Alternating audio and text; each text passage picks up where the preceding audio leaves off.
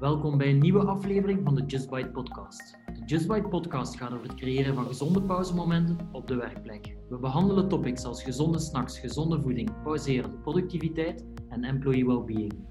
Elke maand gaan we dan ook in gesprek met een expert in zijn of haar vakgebied. In een vorige aflevering hadden we Kevin Curilak te gast. Kevin is uh, professioneel kok en eigenaar van het snackmerk Bunch. Eigenlijk een bedrijf dat biologische snacks maakt, zonder toevoegingen, uh, zonder suikers, dus eigenlijk puur uh, natuurlijke snacks die ook in ons gamma zitten. Uh, en Bunch streeft ernaar om eerlijke biologische snacks te bereiden, waarbij de smaak en ervaring absoluut centraal staan. En de podcast kan je herbeluisteren via de Just Bite website, via Spotify, Stitcher, Soundcloud, Google en Apple Podcast. Ik ben Kevin en samen met Aitor zijn we host van deze podcast. Aitor. Ja, um, bedankt Kevin. Uh, vandaag hebben we uh, Veerle Dobbelaar te gast. Um, de meesten zullen haar wel kennen als actrice, maar tegenwoordig houdt ze ook bezig met heel veel andere activiteiten. Maar ik ga haar dat zelf laten uitleggen. Dus um, dag Veerle, welkom. Hallo, welkom. Ja, welkom iedereen die luistert. Uh, Dank je wel al voor de introductie. En uh, laat ik beginnen bij het begin te zeggen dat jullie uh, een mooie missie hebben en die op een mooie manier neerzetten. Dus bravo eigenlijk. Dank je wel. Ah, fijn om te horen. zeg Veerle, um, ja, ik denk dat de meeste mensen, um, de meeste luisteraars, u gaan kennen als actrice, misschien sommigen ook niet. kan je misschien even kort voorstellen wie je bent en, en wat, je, wat je vandaag allemaal zo doet? Ja. Dus ik ben in um, ehm, 1990 afgestudeerd aan de studio Herman Terling.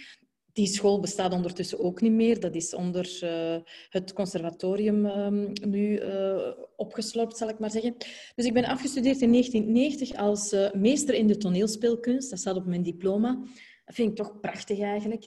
En um, ik noem mezelf liever een speler dan een actrice.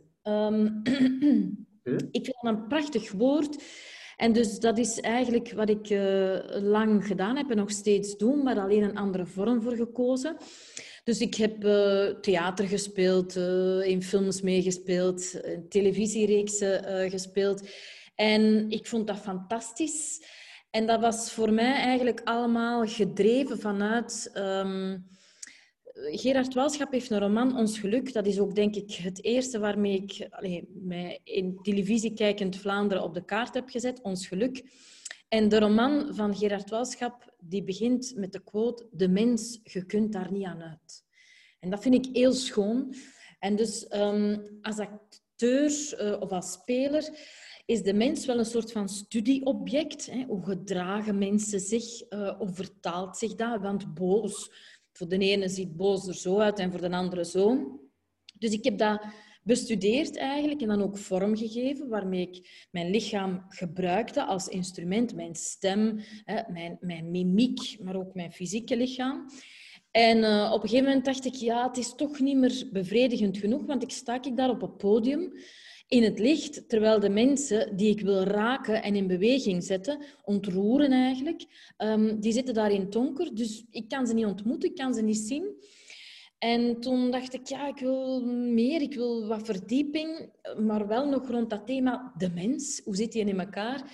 En een vriend van mij die uh, was aan het studeren um, voor live en mental coach aan zo'n internationaal erkende school. En die vertelde daarover en ik dacht, oh ja, dat is het, dat ga ik doen. En dan ben ik in 2008 beginnen studeren en in 2009 terug afgestudeerd. En nu ben ik uh, Professional Certified uh, Mental Coach eh, sinds 2009. En dus sinds 2009, en eerst is dat natuurlijk zachtjes aan, dan doe je een beetje coaching en je speelt nog wel. Maar dan ondertussen is het toch wel zo dat ik uh, 95% van de tijd, ja nu met de pandemie 100% van de tijd, um, mijn tijd en aandacht en ook veel goesting uh, geef aan uh, mensen te raken op deze manier, dus als mental coach. Voilà. Een, een lange uitleg voor eigenlijk een korte vraag, maar bon, uh, gevraagd om mij even te introduceren, dus voilà, zo ben ik nu. Dat is, dat is oké, okay. je mocht, uh, mocht zoveel zeggen als je wilt. Uh, dat is duidelijk. Dus eigenlijk van uh, echt toch op zoek mee naar die interactie, in plaats van ja, eenzijdig te gaan, gaan communiceren met, met het publiek. En ja. vooral geïnteresseerd in, in, het gedrag van de mens. Nu, coach, dat is, denk voor veel mensen is dat een heel wollig woord, coach. Mental coach. Kun je, kun je dat misschien een beetje meer toelichten? Wat doet een mental coach? Waar waren wij mee bezig? Wel, je noemde daarnet het woord gedrag. Maar gedrag is uh, zichtbaar. Dus wat je zegt, wat je doet, je mimiek, dat zijn allemaal zichtbare dingen.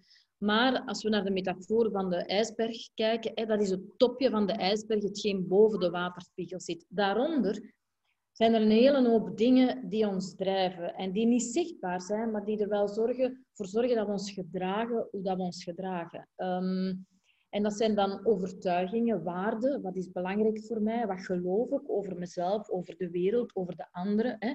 Hoe zitten mensen in elkaar? Ehm, en dat heeft dan ook te maken met ja, mijn zelfbeeld eigenlijk. Uh, wat een stukje bepaald is door onze cultuur, door onze maatschappij en ook door onze opvoeding. En uiteindelijk in het hoogste bewustzijnsniveau volgens de um, psychologische niveaus is dat missie. Wat kom ik hier doen? Wat wil ik eigenlijk neerzetten? Wat wil ik dat mensen van mij herinneren? Wat, wat, wat mag er op mijn grafsteen geschreven staan? En dus heel veel mensen willen uh, gedragen zich om een bepaald gevoel te hebben. Hè. Bijna iedereen wil gelukkig zijn en content zijn. En daar koppelen ze gedrag aan. Als ik dit doe, dan zal ik mij goed voelen. Maar heel vaak is dat niet zo. Uh, en bij mensen zoiets van, ik voel me eigenlijk niet goed. Dus uh, de outcome is niet de gewenste. Ik doe iets, uh, maar het levert mij niet het gevoel op dat ik wil. En aangezien dat ze dan vaak niks anders kennen, omdat ze niet onder die waterspiegel kennen, kijken, dan komen wij als mental coaches die zeggen, oh, wacht eens even, pauze, vertraag eens, sta je stil bij wat zijn uw gedachten eigenlijk? Welk gedrag um, uh, zorgen die voor? En is dat gewenst? Nee, hoe kunnen we dan anders gaan kijken? Ah, waar zitten overtuigingen die u helpen? Waar zitten overtuigingen die u tegenhouden? Als ik bijvoorbeeld een leidinggevende ben, die het heel moeilijk uh, heb met conflict, omdat ik geloof dat ik graag gezien moet worden. Hè? En een conflict zorgt ervoor dat mensen mij niet graag zien ja, dat is een beperkende overtuiging. Dat zorgt ervoor dat als leidinggevende heel moeilijk is voor mij om grenzen te stellen, om, omdat ik schrik heb voor conflict. Dat, is, dat heeft natuurlijk veel voordelen. Ik zal wel populair zijn en graag gezien zijn, maar dat heeft ook wat valkuilen. En dus ik help mensen die valkuilen te ontdekken. En proces, het bewustzijnsproces is altijd vertraging, want anders kun je niks zien als je heel snel gaat. Dus je vertraagt, je kijkt en dan kun je beter kiezen. Ah, dat is een overtuiging die ik opgedaan heb, omdat mijn ouders altijd uh, dat zeiden. En bijvoorbeeld, en, en, meer mannen hebben er last van, maar toch ook wel vrouwen, zo flink zijn en sterk zijn. Als je gehoord hebt in je jeugd, hè, je moet flink zijn, je mocht niet wenig, je moet sterk zijn, be a man, Allee, kom aan, doe niet flauw. Dan is dat op later leeftijd ook moeilijk om iets te doen waarvan dat jij denkt dat het zwak is. En dus die dingen eigenlijk kijk ik samen met mensen ik zeg niet, doe het zo, want daar geloof ik niet in. Wat voor mij werkt, werkt mogelijk niet voor u. Maar ik kijk wel samen met mijn coaches, zo noemen ze dat dan. Bij ons zijn dat geen patiënten of cliënten, dat zijn coaches. Van oké, welke, welke overtuigingen zitten daar die u helpen en welke zitten daar in de weg? Welke waarden zijn voor u belangrijk? Hoe kunt u daarnaar gedragen? Wat is uw zelfbeeld enzovoort? En daarin heb ik natuurlijk heel veel voordeel als actrice, want ik ben gewoon om mensen te observeren. Non-verbale communicatie is cruciaal. Ik kan wel zeggen, nee, er is niks, nee, dat werkt niet zo. Maar ondertussen vertelt mijn lichaam en mijn mimiek iets anders. En ik kan dat als actrice heel goed zien en dus ook goed benoemen. En um, dus die competenties neem ik ook mee als coach en helpen mij om een beter coach te zijn. Het is te zeggen om mensen iets te laten zien wat ze bewust of onbewust onder die wateroppervlakte duwen, maar dat dan wel ja, parten speelt. Ja, nee, ik, begrijp het. Dus eigenlijk ja, vooral een soort mentale blokkades eigenlijk losmaken, dat, dat, dat mensen nieuwe inzichten krijgen of tot nieuwe inzichten kunnen komen, die misschien al in hun zaten, om dan op basis van die nieuwe inzichten een pad te kunnen gaan uitstippelen naar, naar, naar een bepaald doel of uh, bepaalde beslissingen te nemen. Dus als ik mezelf nu bezig hoor, klinkt dat weer heel uh, oppervlakkig, maar ik begrijp wel ongeveer wat je doet. Kan je misschien dat concreter maken? Wat, wat, wat zijn zo van die uh, problemen. Uh, wij werken natuurlijk voornamelijk voor bedrijven. Neem, kan je misschien even toelichten, een bedrijfsleider of, of, mensen die bij jou komen, wat, wat, zijn er zo van die uitdagingen of problemen waar, waar je hen helpt? Ja, dus wat ik al net als voorbeeld gaf bij leidinggevende leiderschap, wat is dat precies? Hè? omgaan met grenzen, grenzen stellen, grenzen aanvaarden. Um, conflict, conflict situaties. Um, maar daarnaast werk ik ook graag en veel met teams. En ook daarin heb je, uh, dat zijn dan de principes van de deep democracy. Je hebt een systeem. Jullie zijn met twee ook een systeem. Um, ik werk samen met Tess, wij zijn ook een systeem. Alles zijn eigenlijk systemen. En binnen het systeem zijn daar ook dingen die boven de wateroppervlakte en onder de wateroppervlakte. En heel vaak in teams is het belangrijk om zo snel mogelijk um, de olifant te benoemen, zal ik maar zeggen. Mhm. Hetgeen wat er moeilijk marcheert of hetgeen wat de onderstroom veroorzaakt boven tafel te houden. Want die dingen die onder de wateroppervlakte zitten, dat zijn onderstromen die je eigenlijk kunnen meesleuren zonder dat je het weet. Dus um, ja, in teams is dat collegialiteit, verbinding, dat is superbelangrijk. Maar dat betekent ook dat je sommige dingen moet kunnen durven zeggen, het gedrag van een ander dat u stoort, uh, ook, ook, ook feedback geven. Feedback is iets super, super belangrijk. Dat is een heel krachtige tool, maar wij hebben dat niet zo geleerd. Hè. Wij ervaren dat heel vaak of snel als kritiek. Maar op een goede manier feedback geven, daar in onze opleiding wordt daar heel veel aandacht aan besteed. Terecht ook, hè, want feedback heb je nodig om te kunnen groeien. Maar je kunt niet groeien als je feedback als een aanval beschouwt. Dus dat is wat ik met teams uh, heel graag doe.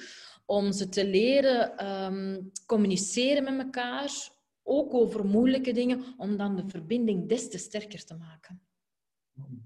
Oké. Over, uh, ja, over verbinding gesproken, misschien een, een bruggetje naar... Uh, ja, voor veel mensen is dat vandaag wel uh, moeilijk om, om verbonden te zijn door, door heel de coronasituatie. Mensen zijn mhm. allemaal van op afstand met elkaar aan, aan, aan, aan, het werken en proberen de connectie te zoeken via, via Zoom-meetings en dergelijke zaken. Um, ja, wat, hoe, hoe, hoe, zie jij dat? Wat, zijn vandaag daar mogelijke oplossingen om die verbinding toch aan te gaan in, in toch die mhm. moeilijke situatie waar we vandaag mee, mee geconfronteerd zijn? Ja, wel, um, er is veel dat niet kan. Dat weten we allemaal, daar worden we dagelijks mee geconfronteerd.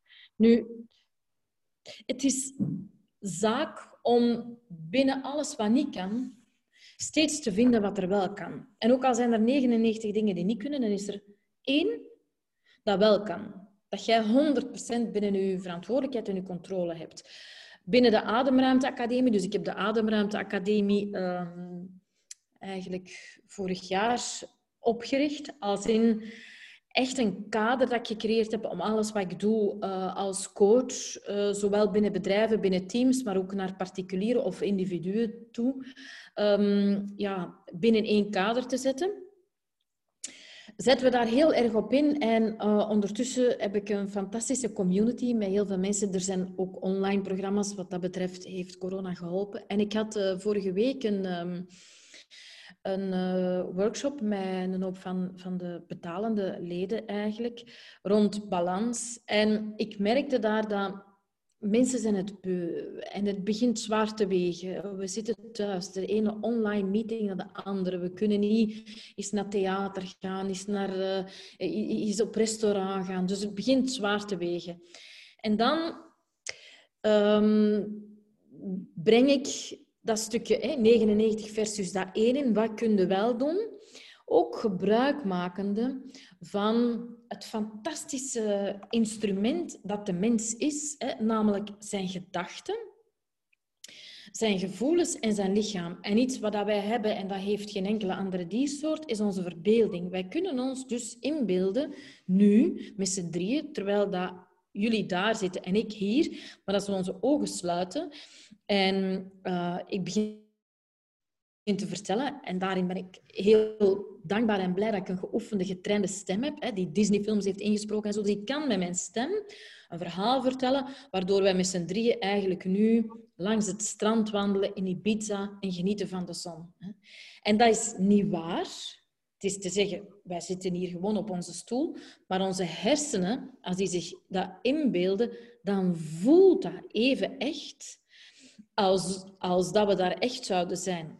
Dat weten we eigenlijk allemaal, want uh, wie van ons is nog nooit wakker geschoten alsof dat hij zo hè, tijdens het dromen aan het vallen was? En dat voelt echt dat je hè, valt. Maar natuurlijk niet, je ligt in je bed of wakker geschoten, al wenend, een nachtmerrie. Dat voelt echt omdat onze hersenen een verschil niet kunnen maken tussen de projecties die we ons verbeelden, onze verbeelding, of degene die echt zijn.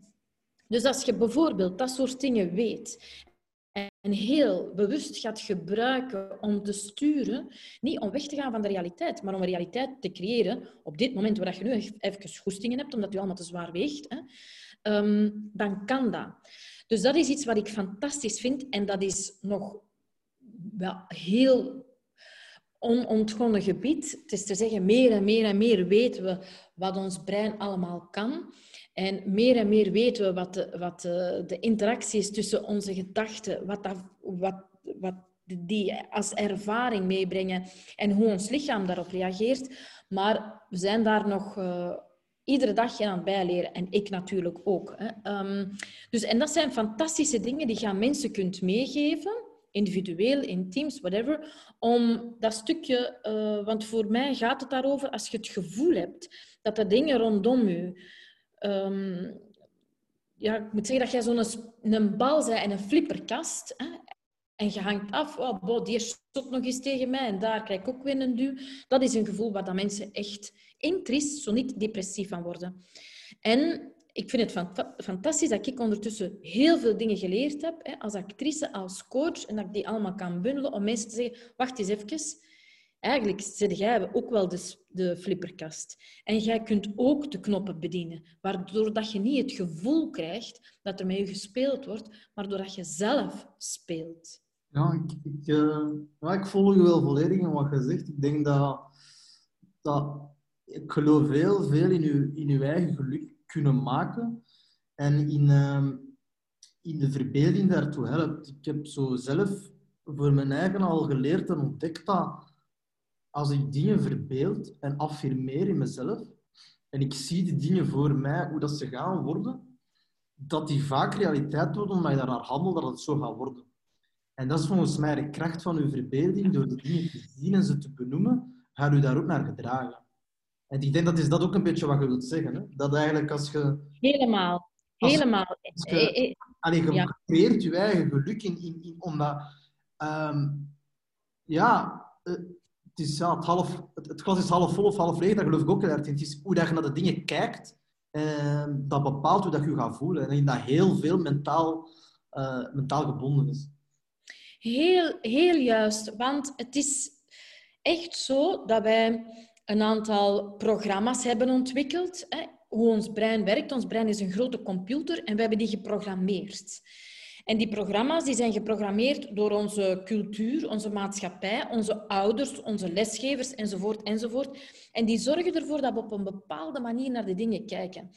Als ik dat uitleg aan mensen, dan geef ik vaak het voorbeeld van... Um, je bent aan het verbouwen hè, en ineens zie je overal uh, kranen. Want je bent nu aan je badkamer bezig en je wilt weten kranen. Ik moet, ben op zoek naar de juiste kraan. En ineens vallen je kranen op. Of je zoekt een auto, je wilt een auto kopen en ineens zie je allemaal auto's. Of als vrouw, ik weet dat nog, ik wou zwanger worden en ineens zie je alleen maar zwangere vrouwen. Het is niet dat die er ineens zijn, maar daar valt je aandacht op omdat je daar mentaal mee bezig bent. Dus zo werkt dat. Daarnaast, het is ook zo dat onze gedachten ons gedrag sturen. Als je ooit al zo'n autoslipcursus gedaan hebt, daar wordt dat heel aanschouwelijk voorgesteld. Hè? Wat zeggen ze? Kijk niet naar de vangrail. Want als je daar naar kijkt, dan stuurde je auto in de vangrail. Dus dat is een heel aanschouwelijk beeld. Onze gedachten sturen ons gedrag. Onze hersenen ik kijk niet naar de vangrail. Kijk niet naar de vangrail. Denk niet aan een olifant. Denk niet aan een giraf. Denk niet... Die verstaan dat niet. Die denken giraf, olifant, vangrail. En dus, onbewust, geven wij dan signalen vanuit onze hersenen die ons sturen naar wat we niet willen. In die zin kun je sturen naar wat je wel wilt. En dat heeft voor mij helemaal niks te maken met het um, cliché Amerikaanse alleen maar happy shiny. Helemaal niet. Het glas is half vol en soms is half leeg. Hè? En als het glas half vol is, dan is er nog een half stuk waar niks in zit. Dus het heeft met mij te maken met heel erg hè, dat stukje in het moment nu pakken. En dat klinkt ook heel zweverig, maar dat is het helemaal niet. Er is niks zo aards als nu. Wat is er nu aan de hand? Wat zijn nu de feiten? Wat zijn nu mijn gedachten? Wat zijn nu mijn gevoelens? Want na van de tijd, wat, drie kwart van de tijd, geven energie aan wat er, straks is gezegd, of gisteren is gebeurd, of tien jaar geleden of vijftien jaar geleden, of wat er mogelijk morgen kan gebeuren. Nu, dat is een verspilling van energie. Wat dat betreft kunnen we qua efficiëntie uh, nog veel leren van de natuur. Hè. Die is veel, veel, veel efficiënter. Uh, dus, dus naar efficiëntie toe en energiemanagement denk ik, oké, wat is er nu aan de hand? Waar kunnen we ons nu toe verhouden? Maar dus vanuit een hele grote realiteitszin en niet vanuit het ontkennen van alle dingen die slecht zijn. Nee, soms is het kak. Ja, oké, dan is het kak, hè. Maar hoe ziet de kak eruit? En als we dan toch in quotes eh, gaan denken, je hebt wat kak nodig omdat er bloemen groeien. Je hebt mest nodig om iets te laten groeien. Dus dat is dan de schone dingen die je aan kunt verbinden.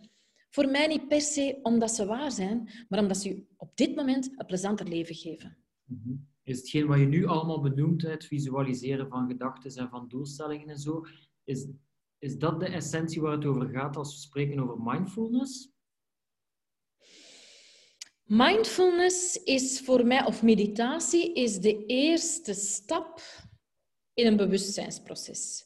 Je kunt namelijk niet bewust worden, en je kent de leercurve misschien, je bent je onbewust onbekwaam van iets. Dat betekent, je weet niet dat je het niet kunt. De eerste stap is bewust onbekwaam. Ah, er is iets dat ik niet kan.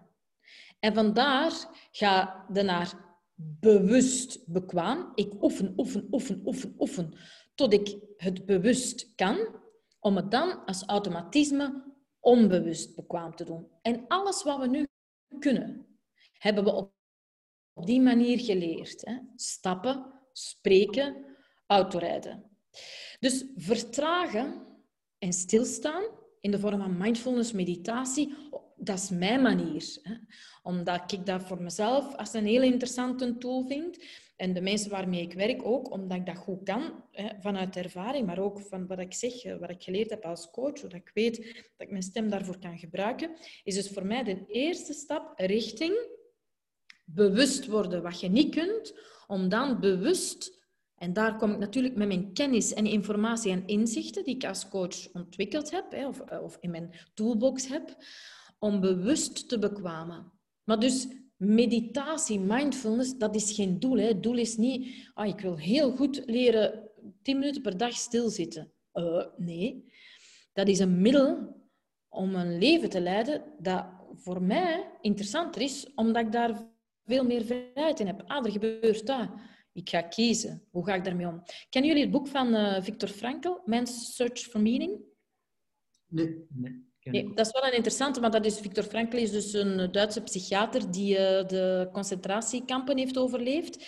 En die um, heeft daar dat echt toegepast. Zo de kracht van die mindset en het 100% eh, doorgedreven ownership van het zijn mijn gedachten, mijn processen. En nu mogen ze mij nog, want die heeft gruwelijke dingen moeten doen en ervaren. Hè. Medegevangenen uh, moeten begraven enzovoort enzovoort. Maar hij heeft altijd dat stukje heel erg blijven bewaken. Het zijn mijn processen. Ik blijf kiezen. Ik kies. Ik stel mij niet als een slachtoffer op, maar ik kies. En dat is fantastisch in zo'n extreme omstandigheden, dat je ziet dat, dat de man, ja, het was natuurlijk ook zijn vak, maar hij heeft het op zichzelf toegepast. En sommige medegevangenen ook. Maar wij kunnen dat. En dat is een leven dat ondanks de omstandigheden die soms echt heel moeilijk zijn, dat er toch altijd een stukje is, een ruimte is, waar je zegt, ik kies, ik kies.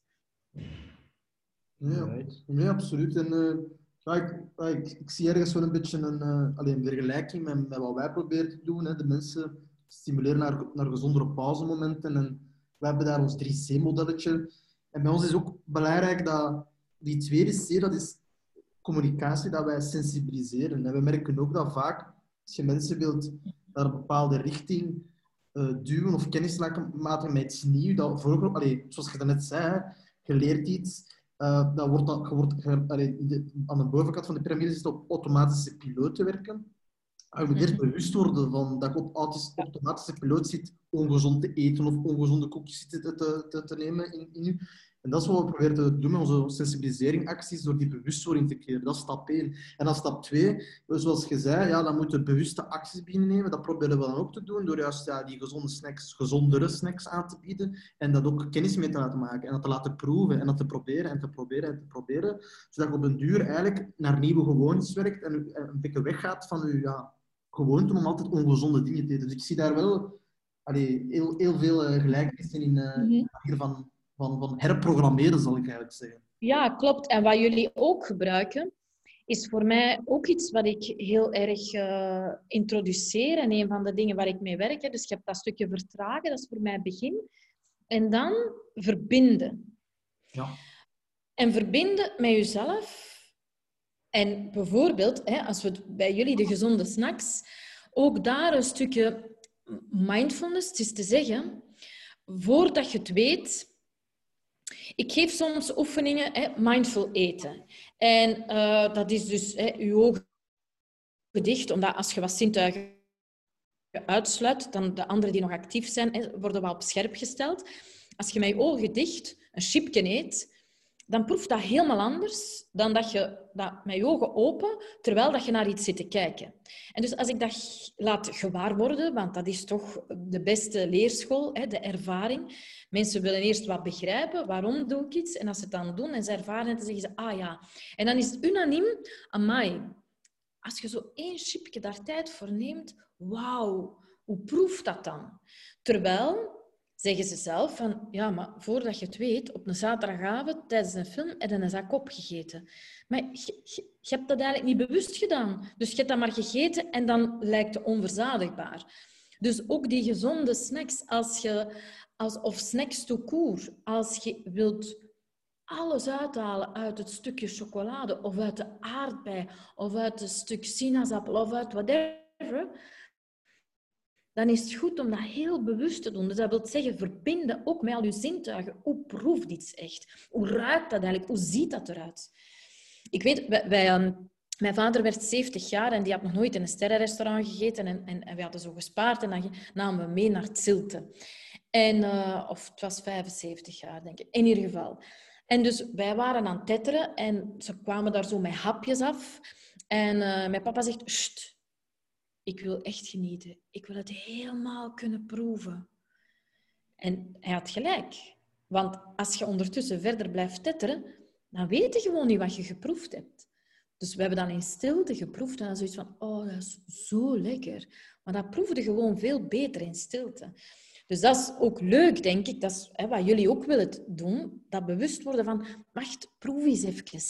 Hoe, hoe, ruikt dat? Hoe proeft dat? Hoe is dat? Om die intensiteit te verhogen van de beleving van gezonde dingen of snacks court, um, samen met mensen, dat stukje te intensiveren door te verbinden. Mm We hebben er zelf ook iets over geschreven een tijdje terug. Je hebt het al benoemd, wij noemen het mindful snacking. Maar daar gaat het inderdaad om. Even de ogen sluiten en inderdaad heel bewust bezig zijn met wat dat je eet, wat dat je proeft. Smaak en textuur waarnemen. Um, om ook in uh, onze derde C dan um, uh, het, uh, het pauzemomentje te claimen ook. om even stil te staan, even te deconnecteren van, van je collega's en te, te, connecteren met jezelf dan, in dit geval. Um, dus dat is dat principe inderdaad dat we ook uitgeschreven hebben op de site voor de mensen die eens, eens willen gaan luisteren of gaan lezen. Mm. Ja, Verle, je sprak net over Ademruimte Academie. Uh, Ademruimte is denk ik de overkoepelende naam van, van, van het bedrijf, als ik me niet vergis. Of, maar je hebt ook een boek geschreven, Ademruimte. Van, van waar ja. om een boek te schrijven?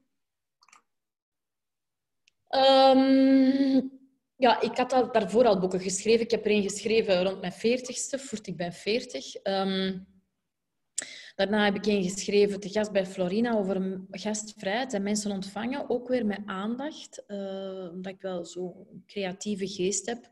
En dan hou van ja, mensen een gevoel te geven van welkom te zijn. Um, en nu dat stukje ademruimte, omdat ik als coach zoveel mensen tegenkom, en maar ook als mens of als vriendin, die, het, uh, die een ademnood zitten, om in dezelfde terminologie te blijven.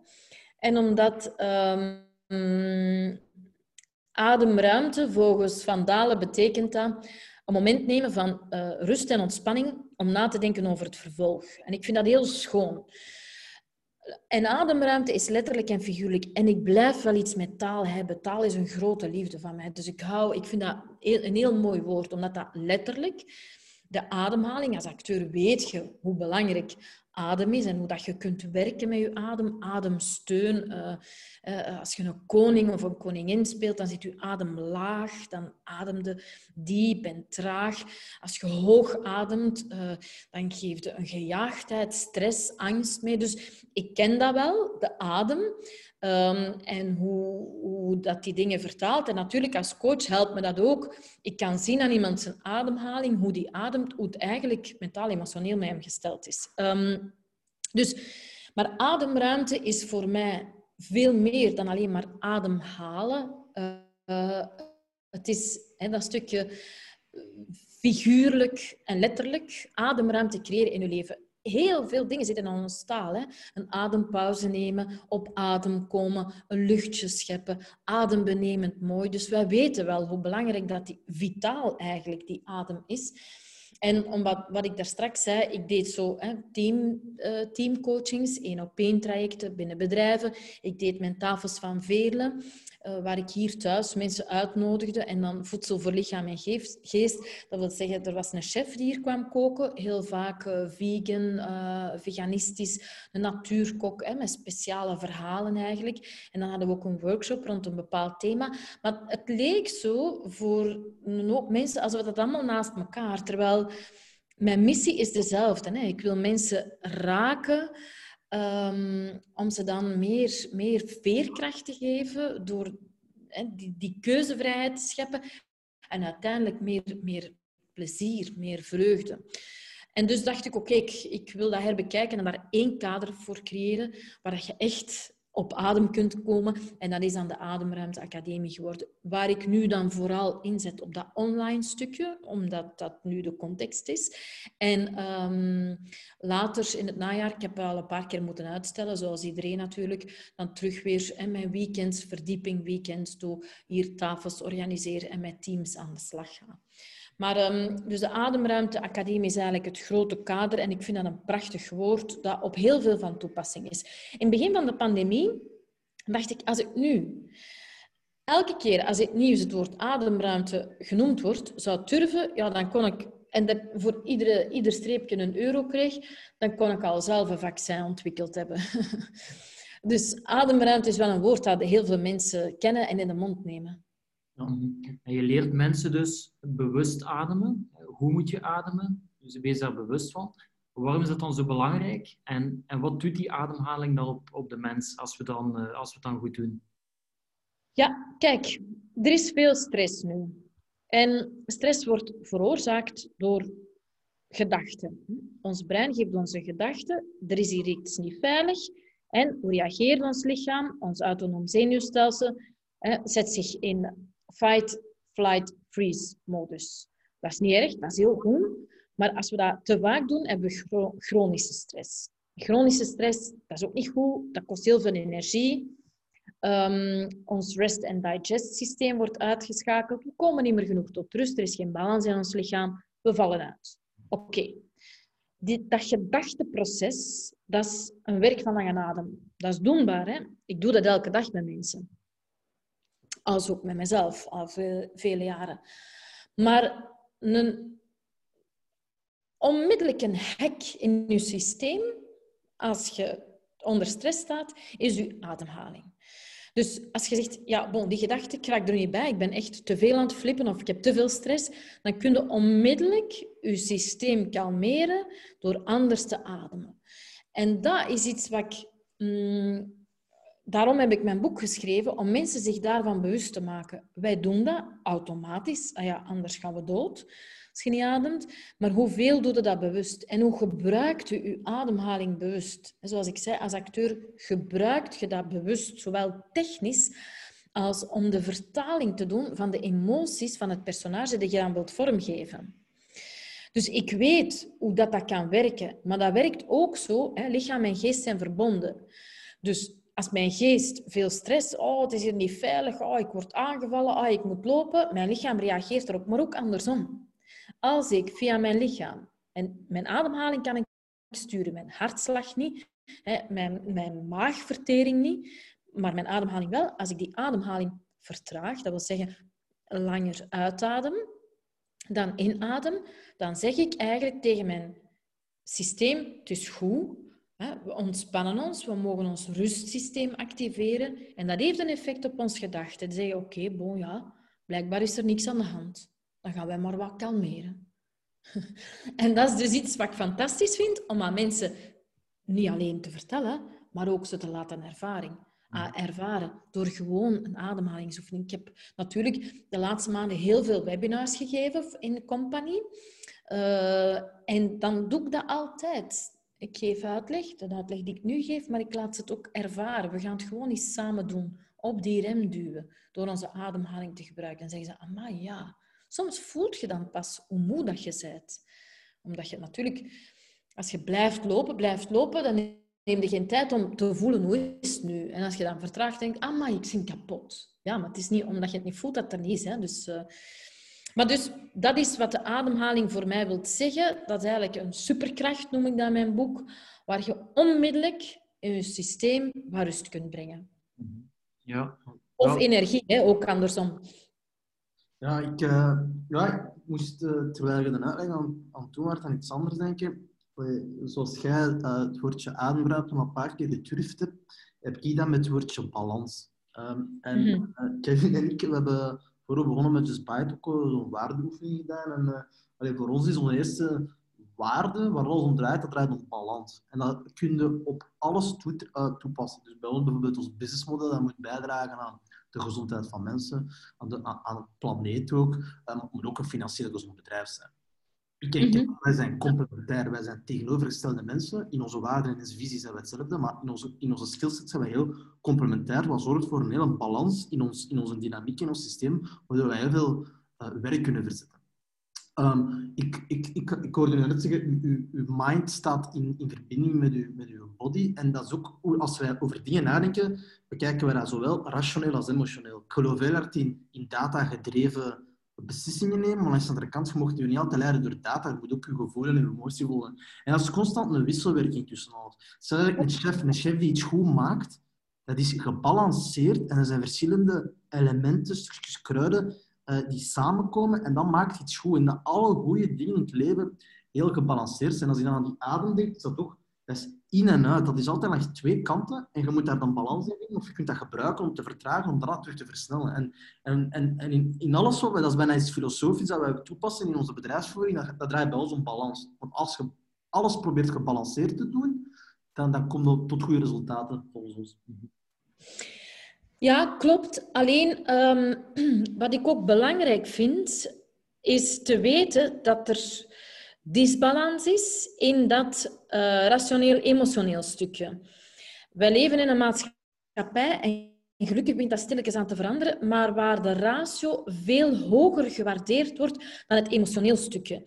En als je gaat kijken naar de evolutie van ons brein, de ontwikkeling van ons brein, dan is dat limbisch brein, ons emotioneel brein, nog steeds heel belangrijk. Intuïtie, buikgevoel, dat wordt soms stiefmoederlijk behandeld, Terwijl dat toch een belangrijk stuk is en ons ook heel veel kan vertellen. Dus ik ben inderdaad voor de juiste balans. Dat wil zeggen dat we dat stukje ook mogen integreren. En niet moeten wij wegschrijven als wollig of woesie of uh, zwak of vrouwelijk. Nee, nee, in tegendeel. Dat hoort er evenveel bij. Oh, maar het is, het is dat juist het punt bij ons, dat ze zijn allebei belangrijk. Maar het mag, niet, mag nooit naar de ene kant overhevelen. Want te veel emotie, dan laat je soms ook leiden door, door dingen die niet doordacht zijn. Als je te veel rationeel denkt, dan maak je vaak ook foute beslissingen, omdat je je gutvoeling gevoeld hebt. Allee, En zo is dat continu een, een, een, een ja, een, een tweestrijd om het juiste evenwicht te vinden. En voor, ja. Je kunt dat bijna op alles, alles toepassen. Uh, Klopt, ja.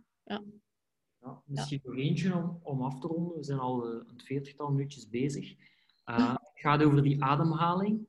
Uh, ik heb er zelf uh, vrij moeilijk mee, hè, omdat inderdaad, we zitten in de rush van het leven. En zeker sinds dat we begonnen zijn met ondernemen, uh, zeker bij mij, ja. bij Uit ook, de molen staan niet meer stil. Uh, mm-hmm. S'avonds ook als je in bed ligt, dan blijft hij gaan. Om drie uur s'nachts komt hij terug. Dus dan grijpen we naar de Calm-apps en inderdaad de meditatie-ademhalingsoefeningen. En iedere keer zet ik me eraan. Ik weet ongeveer hoe dat het moet. Hè. Ik maak het bewust mee, maar mijn gedachten zijn echt om de paar seconden zijn die weg. En het, geeft, het vraagt heel veel energie om er elke keer opnieuw mee aan te zetten. En ook om het te blijven doen. Dus misschien voor de luisteraar dat je nog kan meegeven, en ook voor mij uh, trouwens, van hoe ga je nu aan de slag en wat zorgt ervoor dat je het, dat je het ook structureel kan volhouden? Ja. Um, om te beginnen, het is een misvatting om te denken dat ons dat mediteren of mindfulness betekent geen gedachten. Dat is namelijk hoe ons brein werkt. Dat, geeft ons, dat produceert gedachten. Dat is ook de functie van ons brein. Uh, dus um, als je denkt, dat is helemaal normaal. Wat mindfulness u leert, en dat is een proces, is wat ruimte creëren tussen uw gedachten en jijzelf. Het is te zeggen, gedachten zijn een product van ons brein. Zoals urine een product is van onze urineblaas. Er is niemand die zijn urine te oostereu gaat nemen. of um, het slijm als product van onze slijmvliezen. Terwijl wij doen dat met onze gedachten. En onze gedachten zijn fantastisch en leveren ons topdingen. Maar soms, of tenminste altijd, is het belangrijk om een beetje afstand te creëren en te weten, één, ik ben mijn gedachten niet. En twee, die gedachten, ik produceer er, die komen en die gaan. En ik kan kiezen. Dus baas zijn over je gedachten. Dat is geen wat mindfulness leert, over je gedachten en dus over je gevoelens.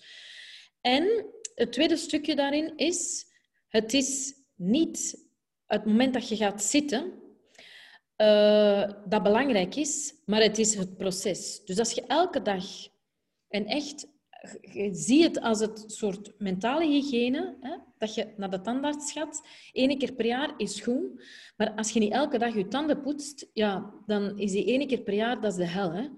Dus de mentale hygiëne, je tanden poetsen eigenlijk, voor je brein is het gewoon elke dag gaan zitten. En de ene dag is dat plezant, en een andere dag is dat oervervelend. Maar het is het moment dat je ontdekt van, ah, mijn gedachten nemen wij, mij weer mee. Dat is, daar zit de winst. Dat bewustzijnsmoment en van daar teruggaan naar, als je bijvoorbeeld via de ademhaling werkt, hè, naar je ademhaling, en terug weggenomen worden en teruggaan en teruggaan. Het is die beweging. En het is gelijk als in de fitness. Hè, je, je tien keer met je armen pompen en daar gewichten op. Hè, dat zorgt er niet voor dat dat op die moment plezant is, maar later heb je daar resultaat van. Dus dat is belangrijk om mee te nemen. Dat het het proces is gewoon van het doen, één. En twee, dat het niet wil zeggen dat je niet meer mocht nadenken, maar dat je moet een witteke, zal ik maar zeggen, creëren tussen je gedachten om genoeg bewust te zijn van, dat is maar een gedachte. Is dat een interessante gedachte? Kan ik daar iets mee? Ah ja, ja dan pak ik die op. Ah nee, nu niet. Hup, dan laat ik ze los. En dat is training.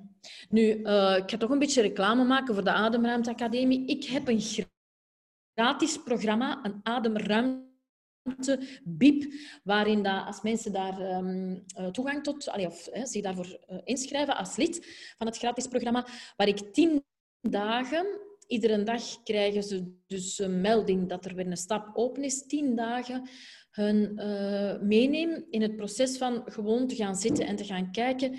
En dat ook uitleg wat ze kunnen verwachten, wat ze niet kunnen verwachten. Want daar is wel heel veel misverstand rond. Hè. Uh, het moet moeilijk zijn, het is zwaar. Dat hoeft helemaal niet. Dat kan ook heel plezant zijn. En je kunt dat bij wijze van spreken met lippenstift en hoge hakken doen. of... Uh, of, of, of, gewoon in je zetel. Dat moet niet een moeilijke houding zijn. Um, maar dus het belangrijkste is daar heel even genoeg kennis en informatie over. Waarom zou ik het doen? Wat mag ik verwachten en hoe doe ik het? En dan een routine in te bouwen. En al was het maar één minuut per dag. S morgens, s avonds, dat, dat werkt het best als je een vast moment zet.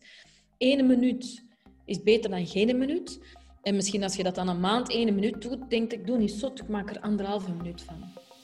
En vertrouw op dat proces, dat hè, iedere dag één push-up doen, beter is dan geen, en er worden ook sterker van. Absoluut. Uh, bedankt Veerle uh, om, uh, om deze raad nog te geven. Ik denk dat Kevin vanavond weet wat doen. Ik ga vast een keer naar de 10 gratis tips luisteren. Ja. En uh, nee, we willen u even bedankt om uh, tijd te nemen, om uh, in ons pauzemomentje even de, de luisteraar wat nieuwe inzichten te, te geven. Um, dus ja, voilà, bedankt. Zeer graag gedaan. Zeer graag gedaan. Ik ben blij met ieder platform uh, dat ik krijg om mensen daar uh, bewust van te maken. Dus jullie ook bedankt. Graag gedaan. Super. Dankjewel, Delen. Misschien nog heel kort. Uh, in een volgende sessie hebben we Marleen, Marleen Bazaar of te gast. Zij is oprichter van het bedrijf Bites We Love. Het is eigenlijk een bedrijf dat gezonde snacks maakt op basis van noten, bonen, kikkererwten, etc. Uh, en we gaan vragen naar haar verhaal, uh, wat de reden waarom dat ze het opgericht heeft, wat haar s'nachts zo goed maakt. Dus volgende keer gaan we iets meer in de diepte op het uh, gezonde snackverhaal.